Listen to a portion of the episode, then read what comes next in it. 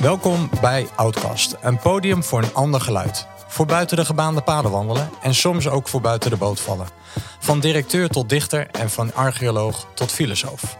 En vandaag is de gast Matte Vaan. Matte Vaan is uh, auteur van het boek Machiavelli op de werkvloer. Politieke lessen voor managers. Um, Matt en ik kennen elkaar omdat we allebei zijn verbonden aan Van der Bunt adviseurs. Matt is cultureel antropoloog en socioloog. Zeg je dat deftig? Ja, had verschillende managementfuncties en is nu organisatieadviseur. Gepromoveerd op onderzoek naar de rol van de politieke organisatiedimensie. Uh, nou ja, dus uh, ja, een, een, hele mond vol. Dat is het. En uh, van harte welkom. Dankjewel, Simon. Ja. ja. En vandaag gaan we het onder andere hebben over jouw boek, wat net is verschenen. Zeker. Met een mooie vos op de voorkant. Hè? Een soort sluwe vos. En een rat. Juist. Ik klein ratje, klein ratje. Een klein ratje, precies. Ja. Um, nou ja, en wat, wat de belangrijkste lessen die verstopt zitten in dit boek en hoe je omgaat met macht. Ja. En je soms ook onmachtig voelt. Zeker. In dat, uh, in dat spel. En uh, nou, we hebben het natuurlijk ook gewoon over, uh, over jou en over je leven. En je hebt natuurlijk ook muziek meegenomen. Zeker. Dus dat vormt zoals altijd in Outcast de ruggengraat van het gesprek. Oké. Okay. En um, nou, om maar meteen met de deur in huis te vallen. Machiavelli op de werkvloer. De titel van het boek suggereert alsof het over de filosoof Machiavelli uitgebreid gaat. Maar je hebt het anders ingestoken. Dus er zit, het komt ja. wel terloops terug. Maar... Ja, dat komt. Ik bedoel, die ervaring zul je zelf ook wel hebben, denk ik, als schrijver van boeken. Zo'n titel moet natuurlijk iets doen hè, bij degene die dat ziet liggen in een boekwinkel of op een webshop of zo. Dus ik heb eigenlijk die titel daarom gekozen. Hè? Als je Machiavelli hoort, dan denk je eigenlijk onmiddellijk aan macht. Vaak wel in de beetje negatieve zin. Hè? Machiavellistisch gedrag, dat, dat is niet altijd, altijd het mooiste gedrag dat er is. Maar je denkt aan macht. En daarom heb ik eigenlijk die, die titel gekozen. Machiavelli op de werkvloer. Dan denken mensen, oh ja, werkvloer, ik werk. Zal dat ook iets met macht te maken hebben? Nou, en dan ga je lezen. Ja. En veel mensen hebben ook een bepaalde uh, nou, associatie met Machiavelli. Hè? Uh, ook door het boek De Vorst of De Heerser wordt het natuurlijk Zeker. ook wel eens genoemd. Zeker. M maar eigenlijk, want ik, ik zat me een beetje weer te verdiepen in hem. Hè? Hij was diplomaat, filosoof, uh, militair strateeg, historicus, dichter, Zeker. toneelschrijver. Um, eigenlijk had hij zelf beperkt macht. Hij had vooral heel veel kennis en inzicht. En zijn lot was ook dat hij vond dat uh, Florence, de, de, stad van, of, ja, de stad waar hij verliefd op was en ook woonde, en ook Italië, um, ja, dat ze meer moesten doen om, om hun eigen autonomie te verdedigen hè, tegenover buitenlandse uh, heersers of invallers. Ik kan het niet beter zeggen, Simon. Nee, ja, nee je maar dat vat het heel goed samen. Maar ja. ik denk, vaak associeer je hem met ja. de lelijkheid of Ja, de scherpheid van macht. Terwijl hij legde het juist bloot. Ja, zeker. Hij legde het bloot hoe het werkte. Hè, dus tussen heersers en onderdanen en omgekeerd. Dat legde die bloot door zijn jarenlange ervaring. Maar hij was eigenlijk ook wel een strijder voor die vrijheid van de Republiek Florence. Hè? En Ja. ook vooral ook voor de burgers dus die daar wonen. Want de republiek wordt gemaakt door die burgers. En daar zette hij zich voor in. Dus in die zin. En hij is ook, ja, hoe machtig was hij nou? Ehm, ja, je zou ook kunnen zeggen, uiteindelijk heeft hij wel ontzettend veel invloed gehad. Want 500 jaar nadat de heerser geschreven is, lezen mensen het nog steeds als een goed boek. Hè? Ja. Dus in die zin heeft hij wel wat teweeg gebracht. Maar hij is arm en berooid gestorven. En zijn kinderen waren heel erg eh, ja, teleurgesteld eigenlijk door het feit dat papa nauwelijks meer iets eh, achterliet aan, eh aan centjes. Ja, ja. dus, En aan eh, macht. en aan macht dus, ja, precies. En zijn boek kwam ook uit na zijn dood. Dat dacht ik wel, ja. Ja, ja, ja, ja, na zijn dood. precies, en toen kreeg het pas bekendheid. Ja, exact. En hij was vooral voorstander ervan als, als prins of als kroonprins of als nieuwe heerser.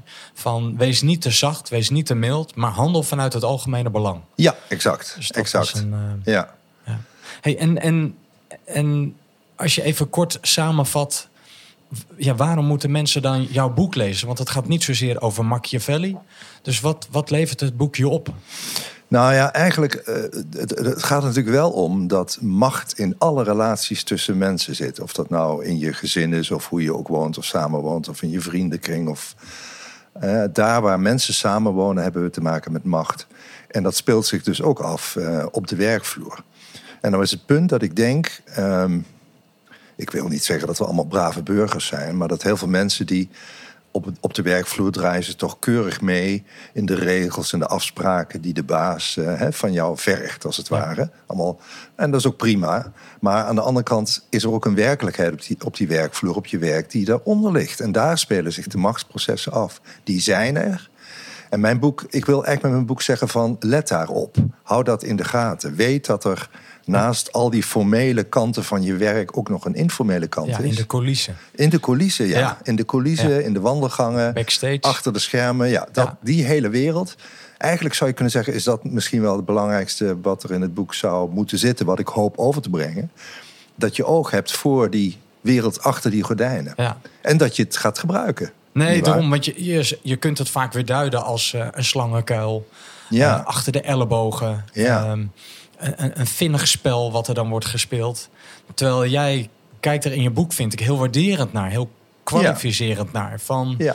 eh, het is part of life. It's part of the business. Exactly. Dus eh, je boek is volgens mij ook is opgedeeld in drie eh, delen. Ja. Hè, de, de, eh, het, speelveld, speelveld, ja. de speler en het spel. Exact, exact. Ja. Dus, ja, Maar er zit natuurlijk ook wel, ehm, helemaal aan het eind van het boek besteed ik ook al aandacht in een hoofdstuk aan ethiek. Ja. Want hoe je het ook bent of verkeerd, er zit natuurlijk ook zwarte kanten aan. Hè. Het naargeestige van macht is er ook wel. Maar het is maar een klein deel. Het grootste deel, vind ik, van macht is het, het, eh, het kan je tot voordeel strekken, persoonlijk. Maar niet alleen, het, het, is ook niet, het gaat ook niet om macht van, eh, van enkel het eigen belang. Weet je wel? Eh, het eigen belang is als je op, op je werk ook een functioneel belang. Dus wat wil jij voor je team voor Ja. elkaar krijgen of voor je organisatie? En ook Ja. dan is macht en het politieke spel uitermate belangrijk. Ja, om dat belang eh, eer te kunnen aandoen. Ja, ja. Ja. Ja. En het dus op, op vergadertafels te kunnen verzilveren. Hè? Want dat probeer ik ook duidelijk te maken. Heel veel mensen die hebben toch een, zeg maar, de neiging om te denken dat tijdens vergaderingen, projectvergaderingen, MT's of wat dan ook, dat daar de beslissingen vallen die ertoe doen. Maar in wezen vallen de beslissingen die ertoe doen juist in die wandelgangen. Dus Ja. voor die vergadering en daarna. Ja, ja. Dus die, die, ja, die, die, die, zeg maar, die gelaagde kijk op de werkelijkheid eh, waar je in werkt iedere dag, dat is denk ik wel heel belangrijk. En misschien hoort de luisteraar het, maar ik heb ook een sluwe vos thuis. Dat is mijn eh puberale hond van acht maanden. En die hoort dan mijn stem en die denkt, nou, ik blaf af en toe mee. Precies. Uit de coulissen. Precies, precies. Maar jij gaat niet toegeven, denk ik. Nee, zeker niet. Ik laat me niet verleiden. Ook zij probeert macht in te zetten. Juist, heel goed. Van eh, Ja. eh, eens kijken of ik mijn baas zo ver krijg. Ja, exact. Nee, en dan, Ja. eh, dat laat ik zeker niet gebeuren. Nee. Maar het past wel mooi bij de, de vos en de rat op de voorkant. Ja, precies. Hey, en je boek begint met het speelveld. En als ik ook een brug maak naar jouw persoonlijke leven, Ja. hoe zag jouw eerste speelveld eruit? Waar je als speler in terecht kwam? In deze wereld. Het was in ieder geval een speelveld dat in het zuidelijk deel van Nederland lag.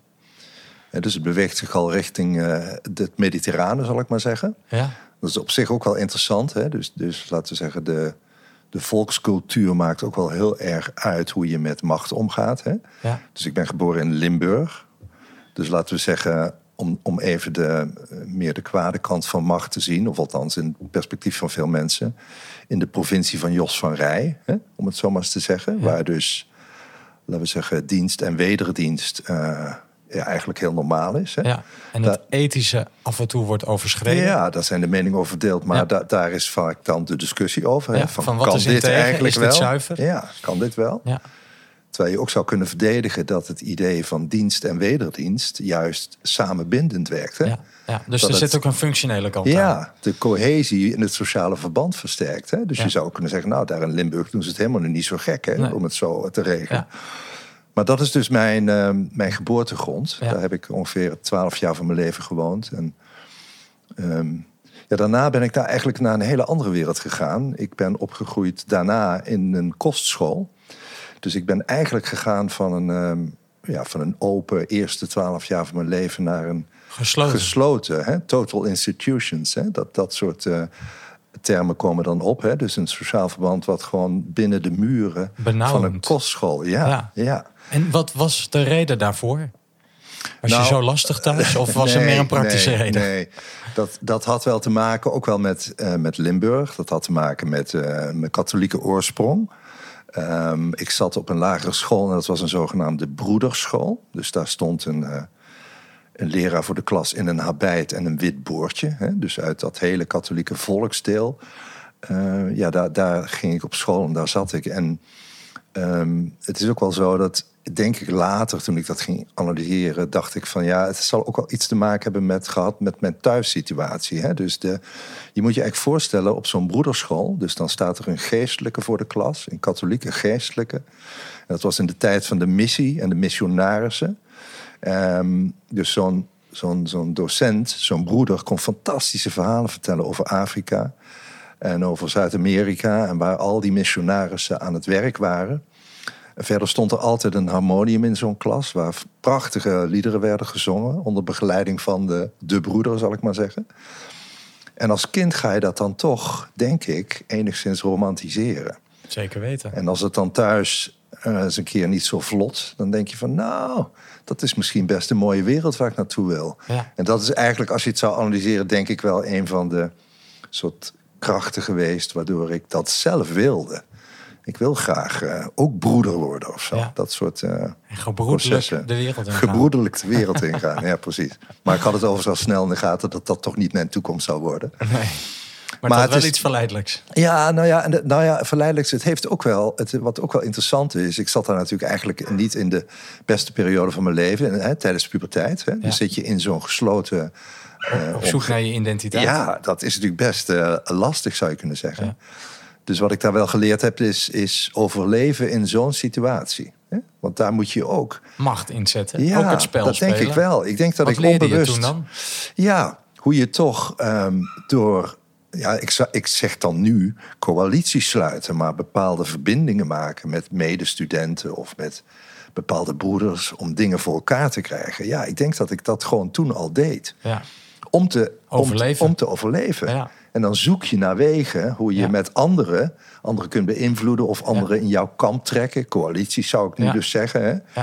Krijgen. Dus, dus ik heb het nooit, het is dat we het er nu over hebben, ik heb het nooit echt zo geanalyseerd. Maar als ik dat zou doen, dat zou wel interessant zijn hoor. Om. Gewoon eens te kijken. Ik heb nog wel oude brieven uit die tijd. Wat zie ik daarin? Misschien was ik toen ook al politiek bezig hè? Als kind. Nou ja, een van de rode draden zo in Outcast is wel... Ja, you, you teach best what you need most. Ja. Eh, dan wel, je bent natuurlijk, net zoals jij, jou... het eerste deel van je boek gaat over het speelveld. En dit is een persoonlijk speelveld Ja. waar je in bent beland. Ja. En daarin Ja. heb je ook al een bepaald ambacht geleerd. Ook een bepaald spel Zeker, geleerd. Je zeker. was er speler in. Ja.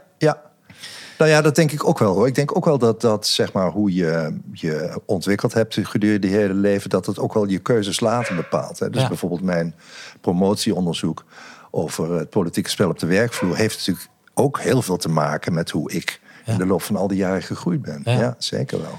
Hey, en in je jonge jaren, om ook een brug te slaan met een ander soort spel. eh, het gitaarspel.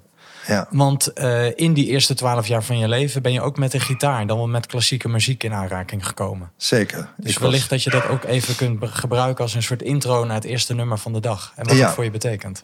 Nou, de, de, de gitaar was toen ik zeven was wel een instrument wat, wat mij ontzettend aantrok. Ik weet niet precies hoe dat kwam.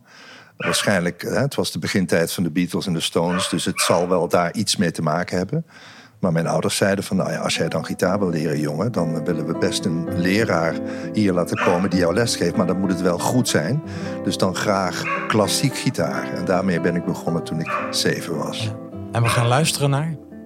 We gaan luisteren naar een eh, compositie van Leo Brouwer. En dat is vertaald in het Nederlands Een dag in november.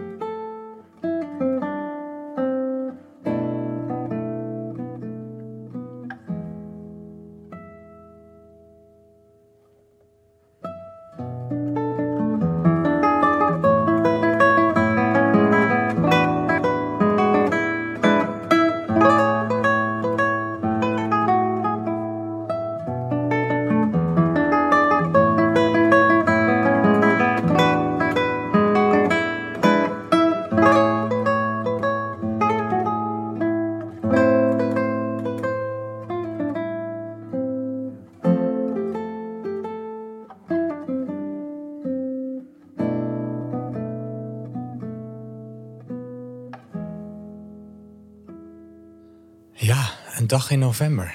Zeker. En, en wat betekent dit dan als je er zo naar luistert? In die tijd van je leven? Nou, ehm, ik, weet- ja, ik was natuurlijk hartstikke jong toen, toen ik zeven was. En ehm, volgens mij had ik dat toen ook al wel. Het zat al wel in me, een soort van discipline. Van nou ja, als, als ik dan die gitaars krijg, dan moet ik het ook goed doen. Hè? Dus iedere dag een half uur studeren en zo. Was gedisciplineerd. Ja, gedisciplineerd. En dat heb ik, ik denk, volgens mij een jaar of vier, vijf volgehouden. Toen was ik een jaar of tien, elf, twaalf. Maar toen was toch eh, de drang van de Stones en de Beatles groter. En toen ging ik geleidelijk aan over. Ik ging in een bandje spelen, basgitaar en zo. Met versterkers een beetje in de buurt. Ook op de kostschool. Nee, toen zat ik nog niet op de kostschool. Dus Oké. dan we het over, toen was ik eh, ja, jaar of 11, 12 denk ik. En na de kostschool heb ik dat ook gedaan. Want op de kostschool, nu je dat zo vraagt... Volgens mij was er, er was weinig van... eh, Muziek. nee, wat we wel deden was knutselen en dat soort dingen, weet je wel. Ja, maar muziek, Beetje braaf. beetje braaf, hè? Ja. Ja. beetje Ja. katholiek braaf. Ja, Wel katholieken niet al te braaf zijn, maar daar was Nee. ik kennelijk wel braaf. Ja. Precies. Ja. ja. Dus toen na de kostschool heb je, ben je weer verder gegaan Ja, met muziek met, en in bandjes en zo. Ja, en toen ging ik studeren, werd weer wat minder en zo. En nu, maar nu, nu ben ik weer sinds een jaar of vijf, zes zo'n beetje echt les aan het nemen. Eerst weer begonnen met eh, bluesgitaar, toen jazzgitaar en nu weer klassiek. En dit nummer, wat je nu hoort, ben ik op dit moment aan het instuderen. Ah, En dat kijk. is een lastig nummer. Het lijkt makkelijk, maar het is ontzettend lastig. Ja, dus je had eigenlijk je gitaar gewoon mee moeten Ja, nemen. maar ik denk, ik vertel dat niet tegen Simon, want anders... eh, Ik heb hier als eerder de directeur van de kringloopwinkel gehad. En eh, die eh, ook erg gek op muziek. En die, nou, Oh, die ja. heeft toen zelf zijn gitaar meegenomen. Nou, heel goed, heel goed. Niet alle nummers zelf gespeeld, maar wel een keertje. Het is toch leuk als Ja, je precies. kunt precies, bespelen. Precies. Ja. Dus zo leerde je de gitaar bespelen. Ja, En, en ehm, vervolgens ben je in, in een vak gerold. ja, Dus ja, je heet dan cultureel antropoloog en socioloog. ja. Dus dat, dat sociale veld sprak je al meteen aan. En ook Nou ja, alle. Ja, ik denk het wel. Die, die, de, de- ik vertelde eh, zojuist over ehm, die, eh, die broederschool, hè, dat missionarissenwerk. En ik ben natuurlijk, of ik ben natuurlijk, dat vertelde ik geloof ik al, culturele antropologie, of Ja. jij zei het bij de intro, Ja, culturele antropologie gaan studeren. En dat, daar zit natuurlijk ook wel een beetje een lijn in. Hè? Dus van toch het zoeken naar, hè, de wereld is groter dan Nederland. Dat zit erin. Hè? Van verder kijken dan alleen eh, dat kleine gezinnetje of de kleine wereld van Nederland. Maar wat, wat mondialere blik op onze werkelijkheid. Dat is één. Maar twee, wat er bij mij ook wel in zit, denk ik, is een soort... Ik wil mezelf geen missionaris noemen, bepaald niet. Maar toch wel eh, het goede doen en helpen om het goede voor elkaar te krijgen. Dat zit er ook wel in. Ja. En zo'n richting van antropologie en later dan sociologie meer. eh, dat heeft daar ook wel mee te maken. Andere culturen kennen. Ehm, ja, we noemden dat in de tijd ook eh, zeg maar onderontwikkelde gebieden. Hè? Dus, dus helpen om de ontwikkeling in Afrika en Zuid-Amerika te bevorderen. Ja, dat zijn toch wel drivers geweest, denk ik. Ja, Drijfveren om eh, dat te gaan studeren. ja. Ja. En je hebt verschillende rollen ook vervuld. Dus je bent leidinggevende ook geweest, Ja. manager geweest. Ja. Ehm, en nu ben je eigenlijk weer actief in de rol van adviseur. Dat ben je volgens mij alweer een tijd. Ja, best lang nu, denk ik. Ja, of dik twintig jaar ongeveer. Ja. Ik heb zo'n beetje, als je naar mijn loopbaan kijkt, eh, een jaar of 15 ruwweg in een organisatie, of diverse organisaties gewerkt. Ja. Eh, Bij de Consumentenbond onder andere. En eh, bij Radio Nederland Wereldomroep. Maar echt in leidinggevende functies. Hè. Dus Nou, ook de manager geweest. Ja. Past weer mooi bij eh, de wereld die je dan Ja, interesseert. inderdaad. inderdaad. Ja, precies. Dus ehm, nee, dat, dat, dat, dat vak van, of ver, ja, het is wel een soort vak, denk ik, van, van eh, manager zijn, leidinggever zijn. Dat heb ik ook eh, aan de lijve ondervonden. Nou, en ook op beide oevers gestaan. Ja, ja, Veel mensen blijven natuurlijk aan één oever staan. Als coach, als adviseur, Ja. als begeleider. ja, Of eh, soms aan de andere oever als, nou, als leidinggevende. precies. Dus dat is wel bijzonder dat je aan beide werelden hebt geroken. En dat in je vingers hebt geprobeerd te krijgen. Ja, en waarbij ik dus merkte dat ik eigenlijk op deze oever, waar ik nu sta, beter tot mijn recht kom. Want? Nou, ik merk wel, ik denk, ik zou nu, als ik er nu op terug zou kijken, ik ben nooit een geweldige manager of leidinggevende geweest. Ik heb het wel gedaan. En hoe weet je dat? Krijg je Nou. dat soort feedback ook dan? of ja. is het meer je eigen kritische blik? Het, nou ja, het, het, het viel mij ook niet eh, altijd mee iedere dag om dat goed te doen, weet je wel. Denken van, eh, Wat ging je dan lastig af? nou, bijvoorbeeld beslissingen nemen. Ik ben wel iemand die alles drie keer omdraait, herkoudt, nog eens een keer kouwen. Ja. Denken van, hmm, de smaak is anders, moet een beetje bijsturen. En denken, wat vinden zij eigenlijk? Zo'n soort, zo'n soort type leidinggevende ben Dus ik. Machiavelli had jou goed kunnen adviseren. Zeker, maar die... Ja, Want die, ik- irriteerde zich eh, mateloos aan het besluiteloze bestuur in Ja. Florence. Zeker, Dat hij dacht, bouw nou een eigen leger op. zeker. En anders doe ik het wel. Maar dit Ja, kan- maar hij zat ook niet in het bestuur. Hè? Dus Nee. Machiavelli was ook wel een, een, een, een bystander, of hoe zou je het kunnen zeggen? Ja. Iemand die langs de, langs de macht liep. Ja. En eh, dat, ja, zo zie ik mezelf ook wel. Hè? Ja. Ik bedoel, ja, je zou kunnen zeggen, tegenwoordig zou je zeggen, nou Matt, misschien was je best een aardige leidinggevende, namelijk een coach voor je medewerkers. Maar ik zag toch vooral ook de kanten waar ik denk, nou, het is niet echt iets voor mij. Dus in die zin eh, Machiavelli. En jouw voornaam heet Matt. Daar- Daar zit iets van eh, Ja. overlap in. Ja, die M in ieder geval en die A ook nog ja, wel. zeker, zeker. Ja, ja, ja, zeker. Nee, Ja. Dus je zegt eigenlijk op de oever waar ik nu sta, voel ik me vertrouwder, voel ik me Ja. zekerder. Ja. Daar haal ik meer lol uit. ja, dat past beter bij mij, denk ik. Ja. Ja. Ja. Dus het kunnen beschouwen en kunnen spiegelen. Ja, ik ben echt wel een beschouwend onderzoekend mannetje, weet je Ja. wel. En, eh, dus ik zal eerder tegen jou zeggen, nou, wat zullen we doen? Dan dat ik zou zeggen, nou, laten we nu dat dit nummer instarten. moeten. Ja. Ja. Dus, eh, Ja. ja, ik stuurde jou ook die vier nummers, hè? En, dat, en je vroeg eigenlijk om drie nummers, Ja. maar ik denk, doe er vier. Ja. En dan staat er bij dat vierde, appte ik jou iets van, nou, misschien, eh, kijk maar wat je ermee kan doen. Ja. Hè? Weet je wel? Ja. Ja. Ja. dus dat is een dan- beetje eh, hoe ik in elkaar zit. Ja, dat je meerdere opties en Ja. nou, dat hele begrenzende en dan daar meteen een klap op geven. Nou, deze drie zijn er dan. ja. Dan bouw je toch nog wat eh, twijfel in. Nou ja, dat, dat komt eigenlijk ook wel, Simon. Want dat zit toch ook wel een beetje in het boek als een soort ehm, fundament. Ehm, kijk, ja, met een mooi woord. eh, dit is geschreven door een postmodernist. Hè? Dus ik zie mezelf ook als een postmodernist. Niet als een modernist. Hè? Van, die zegt van de wereld zit zo in elkaar. Dit is de werkelijkheid en dat is de waarheid. Maar iemand die altijd twijfelt. Of twijfelt is een beetje een negatief eh, geladen begrip. Maar die in ieder geval denkt van nou... Meer zijn- waarheden naast elkaar legt. Ja, dat- je kan het ook zo bekijken. Misschien is dit wel de waarheid. Hè? Ja, Dus ja. niets is zeker. En Het niet vast willen zetten. ja, het niet vast willen pinnen, dat, ja, dat, dat past wel bij mij. En dat zit ook in dit boek eigenlijk. Hè? Want je, het is ook geen traditioneel managementboek in de zin dat het een boek is met lijstjes die je kan Nee. afvinken. Of, Het hè? leest als een doorvrocht boek. Dus er zit veel ehm, inhoudelijke eh, theorie in. Ja. Ook reflectie in. Elk hoofdstuk eindigt wel met... eh, eh, Ja. Nou, hierop kun je nog even knagen of kraken. Ja. Weet je, ik weet niet welke taal je eraan Ja. geeft, maar in ieder geval... Verder graven noem Ja, ik het. verder ja. graven. Ja. Ja, dat Ehm, zit eigenlijk in diezelfde lijn, hè, die ja. ik zelf ook ben. Van, nou Ja. ja, er is vast nog wel iets. Iets verder af te pellen. ja, ja, ja, ja. Nou, dat past ook wel weer mooi bij Machiavelli. Want die vond het zelf ook interessant om dingen bloot te leggen. Zeker, En te zeker. puzzelen. Zeker. Ehm, Want dat boek De Heerser heeft hij natuurlijk ook geschreven aan het eind van zijn periode als, als eh, kanselier. Hij ging de berg op, ging in een hutje zitten. Hè, ging beschouwen, bijna letterlijk van Mozes. boven naar beneden. Ja, nou ja, voilà. Dat is het toch wel. de berg op met z'n... Ja. Kwam naar beneden met zijn tien geboden. Ja. En, Ma- en Machiavelli kwam naar beneden met de vorst. Ja, precies, precies, precies. Nou. Hey, en het, het tweede nummer, Mr. President. Dat Ja. gaat over machtigen en onmachtigen. Ja, dat gaat dus echt al over ehm, stevig over de macht. Ehm, Mr. President. Dat Ja. klinkt ook eh, daadkrachtig. Ja. Nou, ik weet niet of jij ook van eh, Randy Newman houdt, maar ik vind het, eh, het is een beetje uit mijn tijd, denk ik wel. Ehm, maar het is een man die geweldige muziek maakt en die ook hele sterke teksten schrijft, die altijd wel een engagement hebben. Hè? Dus die altijd wel te maken hebben met de samenleving om hem heen. En daar schrijft hij heel scherp en venijnig over. En dit gaat echt over ehm, een soort smeekbeden naar de, hoogste in, in rang in de VS. Let nou eens op je bevolking die in armoede is. En hij heeft dit laatste ook nog gezongen in de richting van de former president Mr. Trump.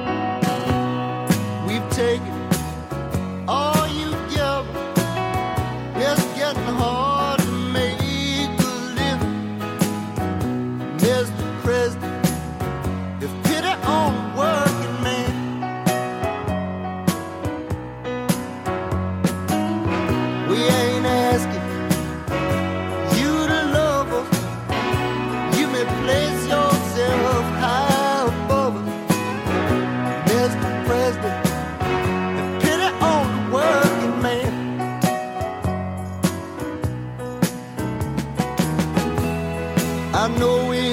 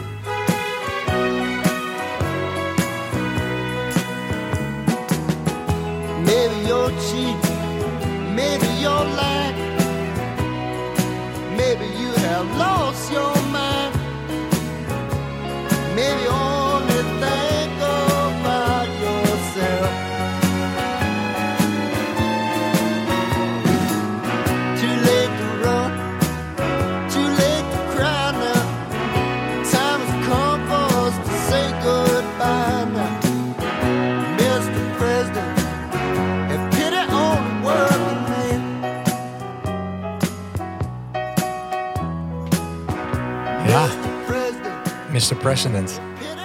Have pity on the working man. Ja, Ja. ja. Ja, En en maybe you have lied. Maybe you have cheated. exact. Maybe you have finally lost your mind. Ja. Hoe heb jij wel eens gecheated? Want ook jij bent een speler in dat machtsspel als je als adviseur in een organisatie binnenkomt. Zeker, zeker.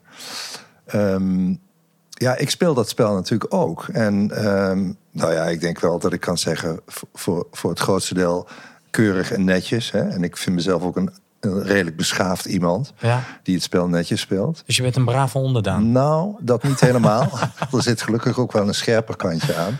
Of een minder aangenaam kantje. Ik heb natuurlijk ook dingen van ik denk achteraf van nou, een beetje te mean, weet je wel. Een beetje te, te laag. Te veel enkel aan mijn, aan mijn eigen belang gedacht of zo. Dus dat heb ik ook wel meegemaakt in het verleden. En, ehm, en ja, dat hoort er ook bij. Ik heb, het, het aardige is dat dat onderzoek wat ik uiteindelijk gedaan heb... wat de basis is voor dit, ehm, voor dit boek...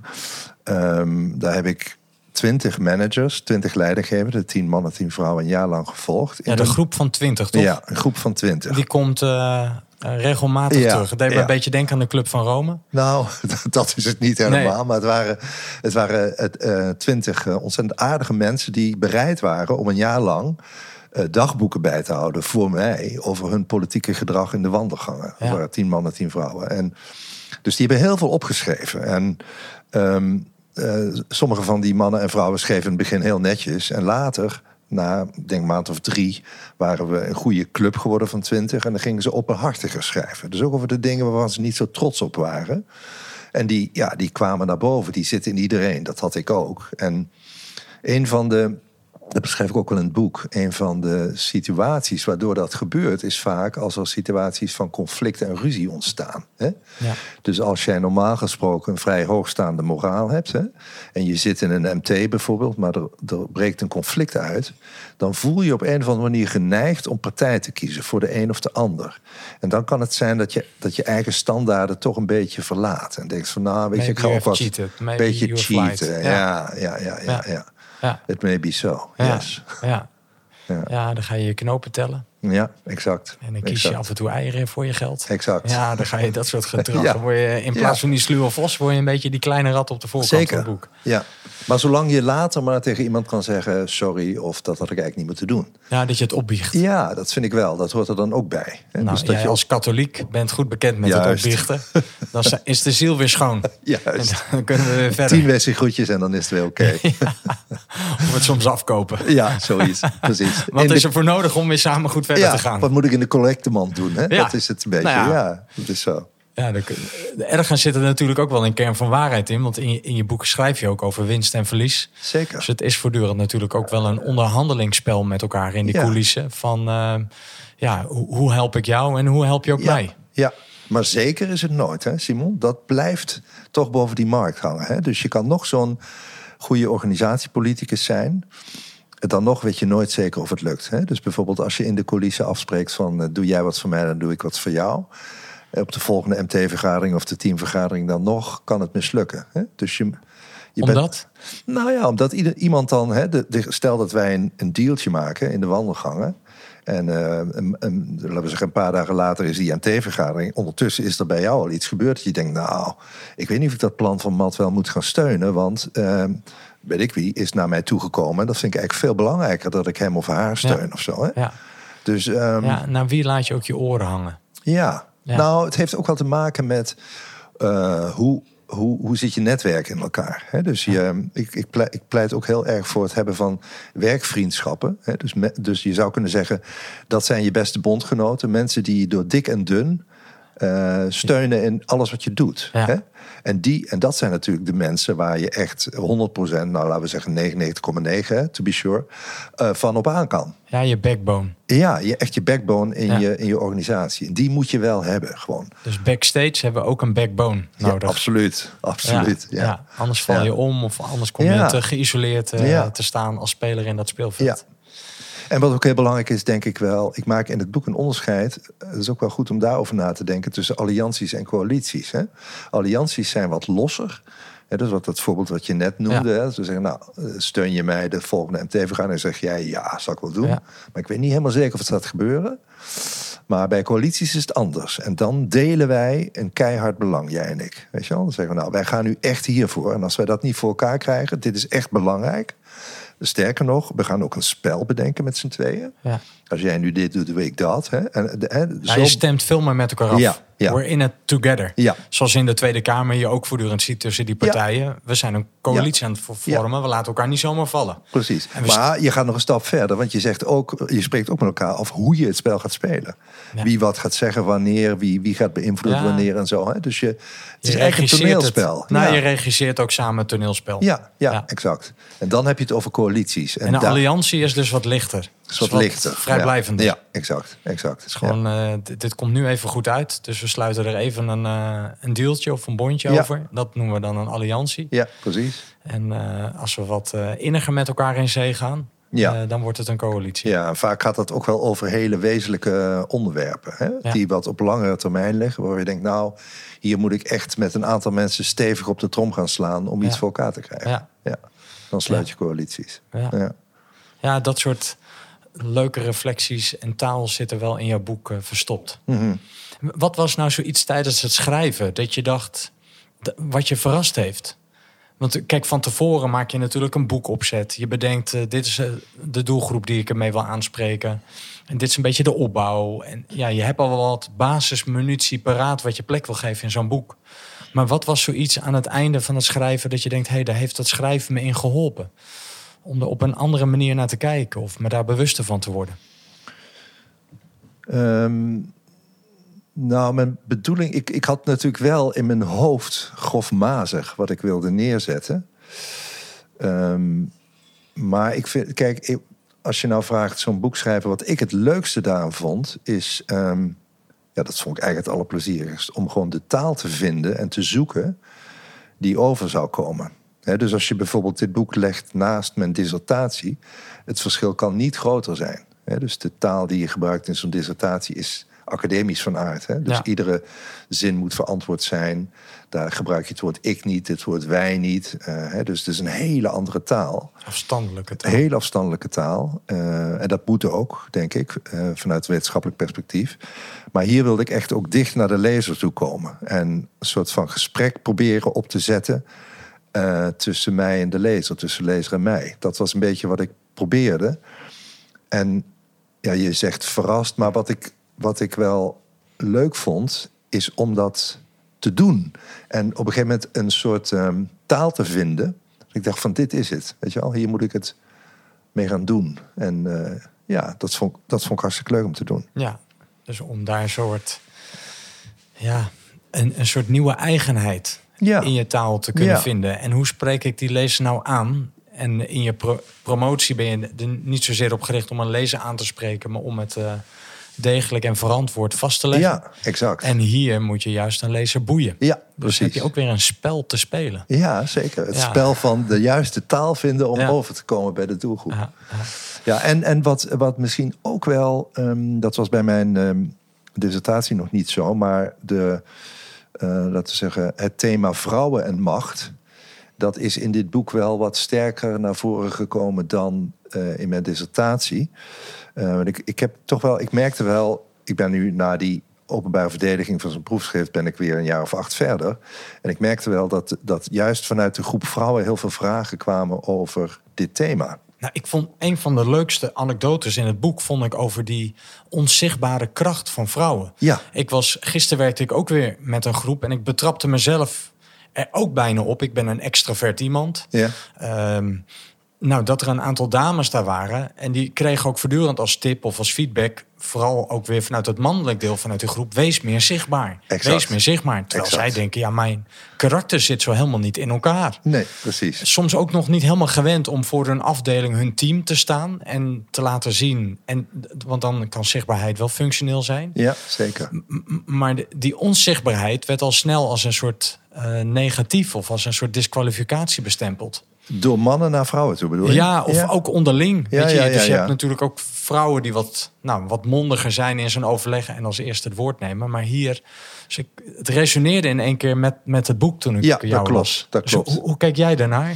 Nou ja, die, die, eh, zeg maar die vraag naar, eh, hè, van, van vrouwen van ik ben onzichtbaar. Of, of dat nou afgedwongen is of dat ze dat ook echt vinden.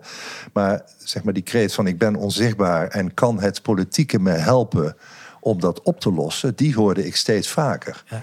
Dus, ik, dus daarom heb ik ook aan dat thema vrouwen en macht wat meer aandacht besteed in het boek. Ehm, En wat geef je dan die vrouwen voor advies in je boek?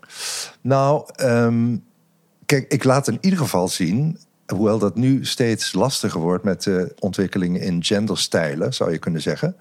Maar ik geef, in, ik geef in ieder geval aan dat er verschil is tussen mannen en vrouwen. Dus vrouwen, de- als we het simpel zeggen, dat er een, als er een verschil is tussen mannen en vrouwen, dan is dat ook zichtbaar in het politieke. Zij spelen het spel anders dan mannen dat doen. Zij hebben een andere rol. Ik, ik eh, verwijs bijvoorbeeld naar het onderzoek van Frans de Waal, wat uitermate Ja, interessant onderzoek is. Hè? Ja, dat zijn, wij zijn natuurlijk ook primaten en Ja. chimpansees ook. En Frans de Waal legt dat ook heel mooi bloot in dat, eh, in dat onderzoek van hem uit de jaren tachtig. Ehm, dat de rol van vrouwelijke chimpansees in die kolonie anders is dan mannen. Die mannen die eh, zeg maar proberen, nou ja, nummer één op de apenrots te zijn. Hè? Dus door echt eh, man tegen man gevechten te voeren. En de vrouwen hebben veel meer de verbindende rol en zijn daar ook eh, relevant in. Hè, dus de informele kracht van de, van de vrouwelijke chimpansees in die kolonie is sterk, is groter, groter dan mannen.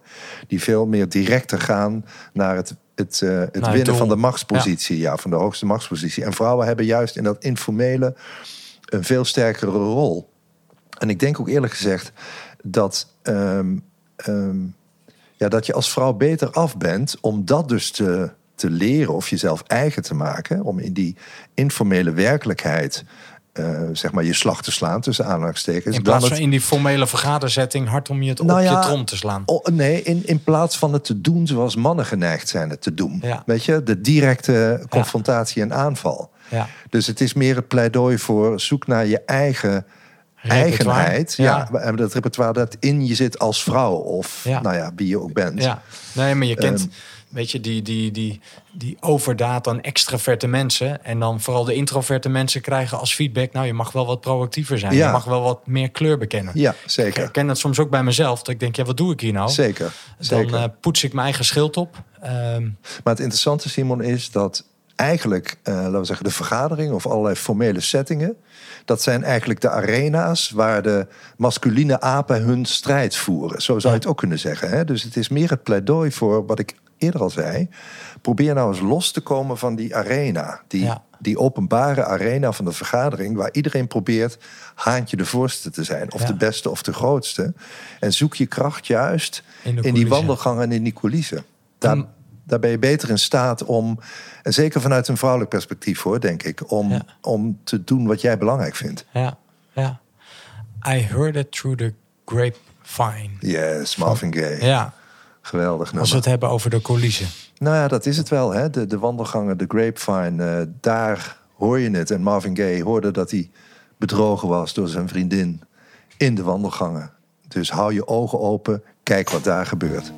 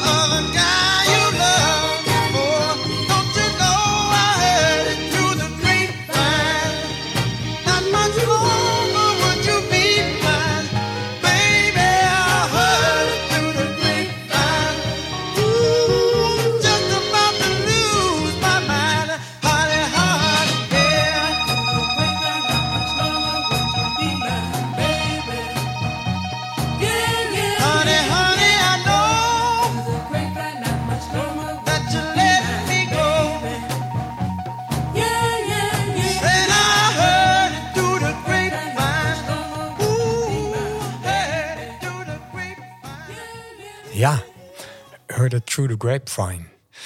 Ja, Ja, ik, ik vond zelf een mooi zinnetje ook. People say believe uh, half of what you see. Dus geloof maar de helft van wat je ziet. ja, wat is waar en wat is niet waar. Ja, en hij zo zei, ja, weet je, het brengt me ook in verwarring. Ja, Het brengt me in verwarring. Waar moet ik nou naar luisteren? Waar moet ik nou naar kijken? ja dat is ook zo. Ehm, ik denk ook, nou, ik zei al, het is, het is in die zin geen leerboek over politiek handelen. Dat je precies weet, als ik dit doe, dan gaat dat gebeuren. Of daar moet ik op letten. Het is, ja, dat hele politieke op, op, eh, op je werk, dat moet je leren ook wel door ervaring. En nou ja, eh, je weet ook niet of het altijd klopt. Hè? Dus wat ik, wat ik zie, is dat waar? Ik weet het niet. Maar je, op een gegeven moment moet je wel een, een eh, keuze maken. Laat ik het iets concreter maken. Kijk, je, je zoekt vooral in die wandelgangen, dus buiten die vergaderingen, eh, naar belangen van anderen. Dat, dat is volgens mij het belangrijkste dat er is. Hè? Dus dat je zoekt van wat is nou voor iemand anders belangrijk. Als je daar een scherper beeld van krijgt, dan heb je eigenlijk al een hele belangrijke basis gelegd waarop je dat sociale spel van macht en invloed kunt spelen. Ja. Hè? Dus Omdat je dat insluit of omdat je daar rekening ja, mee je houdt. houdt daar rekening mee. Ja. Kijk, bijvoorbeeld toen ik hier naartoe kwam, dacht ik, nou, het belang van Simon is om gewoon een goed uur te hebben in die podcast. Hij wil gewoon een mooi gesprek. Jij stond dat ook tegen me te vertellen voor we begonnen. Ja. Dus ik weet nu, oh ja, daar moet ik dus rekening mee houden. Dus ik moet proberen, dat doe je dan, eh, om, het, om het gesprek ook zo, om, om datgene te doen dat ervoor zorgt dat het voor jou een goed gesprek wordt. Ook voor mij natuurlijk. Ja, want dat is mijn belang. Dat wil jij ook Ja. natuurlijk. Ja. En ik heb natuurlijk in dit gesprek af en toe ook dat ik jou in de reden viel. Ik dacht, nou, maar dit wil ik ook nog wel even zeggen. Ja. Dus het is een, een, Een spel. een spel, maar, maar wel vanuit de belangen die, die jij hebt en die ik heb. Ja. En, dat, en dat constant lezen om je heen is ontzettend belangrijk. En het, Ja. het, het, het, het grappige is dat in mijn onderzoek met, eh, dat waren allemaal middelmanagers, zou je kunnen zeggen, hè, in, de, in, de, in die dikke leemlaag van de organisatie, dat Ja. was die groep van twintig. Die hadden over het algemeen wel vrij goed in de gaten wat hun medewerkers wilden. Ook nog wel wat de collega-managers wilden, maar hadden eigenlijk een heel ehm, ja, weinig scherp beeld wat hun bazen wilden. En daar is nog heel veel winst te behalen. Dus dat je, ja, vaak denk je daar als middelmanager niet zo over na. Je neemt het aan. Je denkt van ja, ja, ja ik weet niet. Hij, hij, hij of zij zal wel gaan voor de macht of zo, voor Ja. baas zijn. Maar vaak zitten er hele andere dingen achter. Ja. En, ehm, ik noem ergens in het boek het voorbeeld van de minister, hè, die, die dan een gesprek heeft met iemand die je kent, die directeur van een, eh, van een overheidsorganisatie was. En die een eh, geeltje pakt en daarop schrijft geen gedoe met een uitroepteken. En die legt dat zo voor die directeur neer. Hè? Dus die zegt eigenlijk van het enige wat ik wil als minister van jou als uitvoerend directeur... is dat ik geen gedoe krijg. Dus met andere woorden, ik wil niet voor ieder wisselwasje naar de Kamer geroepen worden. Ja. En als je dat weet, dan denk je nou, ik moet dus zorgen dat ik al die ellende bij hem weghaal. Want namelijk als ik dat doe, krijg ik van hem ook de ruimte om mijn veranderplannen door te voeren. Ja. Nou, dat is dus heel scherp zijn op wat belangrijk is voor de ander. Ja, en de geeltjes die af en toe eh, geplakt worden op eh, rapporten. Dan wel de mentale geeltjes die ergens Voilà. opgeplakt worden. Voilà. Let Hey. op de geeltjes. Ja, let op de geeltjes en de coulissen en Ja. de grapevines. Ja, en eh, af en Precies. toe ook het gitaarspel. Juist. Dus Matt, ja, zo aan het eind. we hebben het speelveld, de speler en het spel. Ja. De drie dimensies die in jouw boek terugkomen. Nou, dat hebben we ook op verschillende manieren aangeraakt in dit gesprek met jou. Met, eh, nou ja, je, je eerste twaalf jaar in je leven in het Limburgs, in het katholieke. Toen de kostschool en toen eh, hoe je geboeid bent geraakt door het vak van eh, cultureel antropoloog en ook socioloog. Toen op de ene oever heb gestaan, 15 jaar lang van je leven als leidinggevende manager. Maar toch ook tot de conclusie kwam, nou ja, ik ben veel te twijfelachtig. Veel te veel leg ik weer verschillende dingen naast elkaar en daar ga ik nog eens op kouwen. Ja. Eh, en toen naar die andere oever gegaan als adviseur. En eh, nou, het boek is dus gebaseerd op een groep van twintig waar je mee hebt samengewerkt, eh, die hun reflecties voor jou nauwgezet hebben bijgehouden, Ja. zodat je nou ja, in de coulissen samen met elkaar kon puzzelen. Nou, en dat is, heeft vrucht gekregen in het, in het boek Machiavelli op de werkvloer. En van nu, ja, enorm bedankt. Graag gedaan, Simon. Ja, leuk om zo dat onderwerp van macht en onmacht Ja, bij de kop te pakken. zeker. Ik vond het erg leuk. Ja, Ja. en bloot te leggen. Ja, En met de muziek, Mr. President. zeker. Ja, en have pity on the working man. Ja, vooral. Nou. vooral. Dankjewel en, ehm, nou, en dank u voor het luisteren thuis. Of eh, waar je dan ook bent. Misschien wel in de coulissen ergens. En is er toevallig net een geeltje bij jou op het rapport geplakt. Tot de volgende Outcast.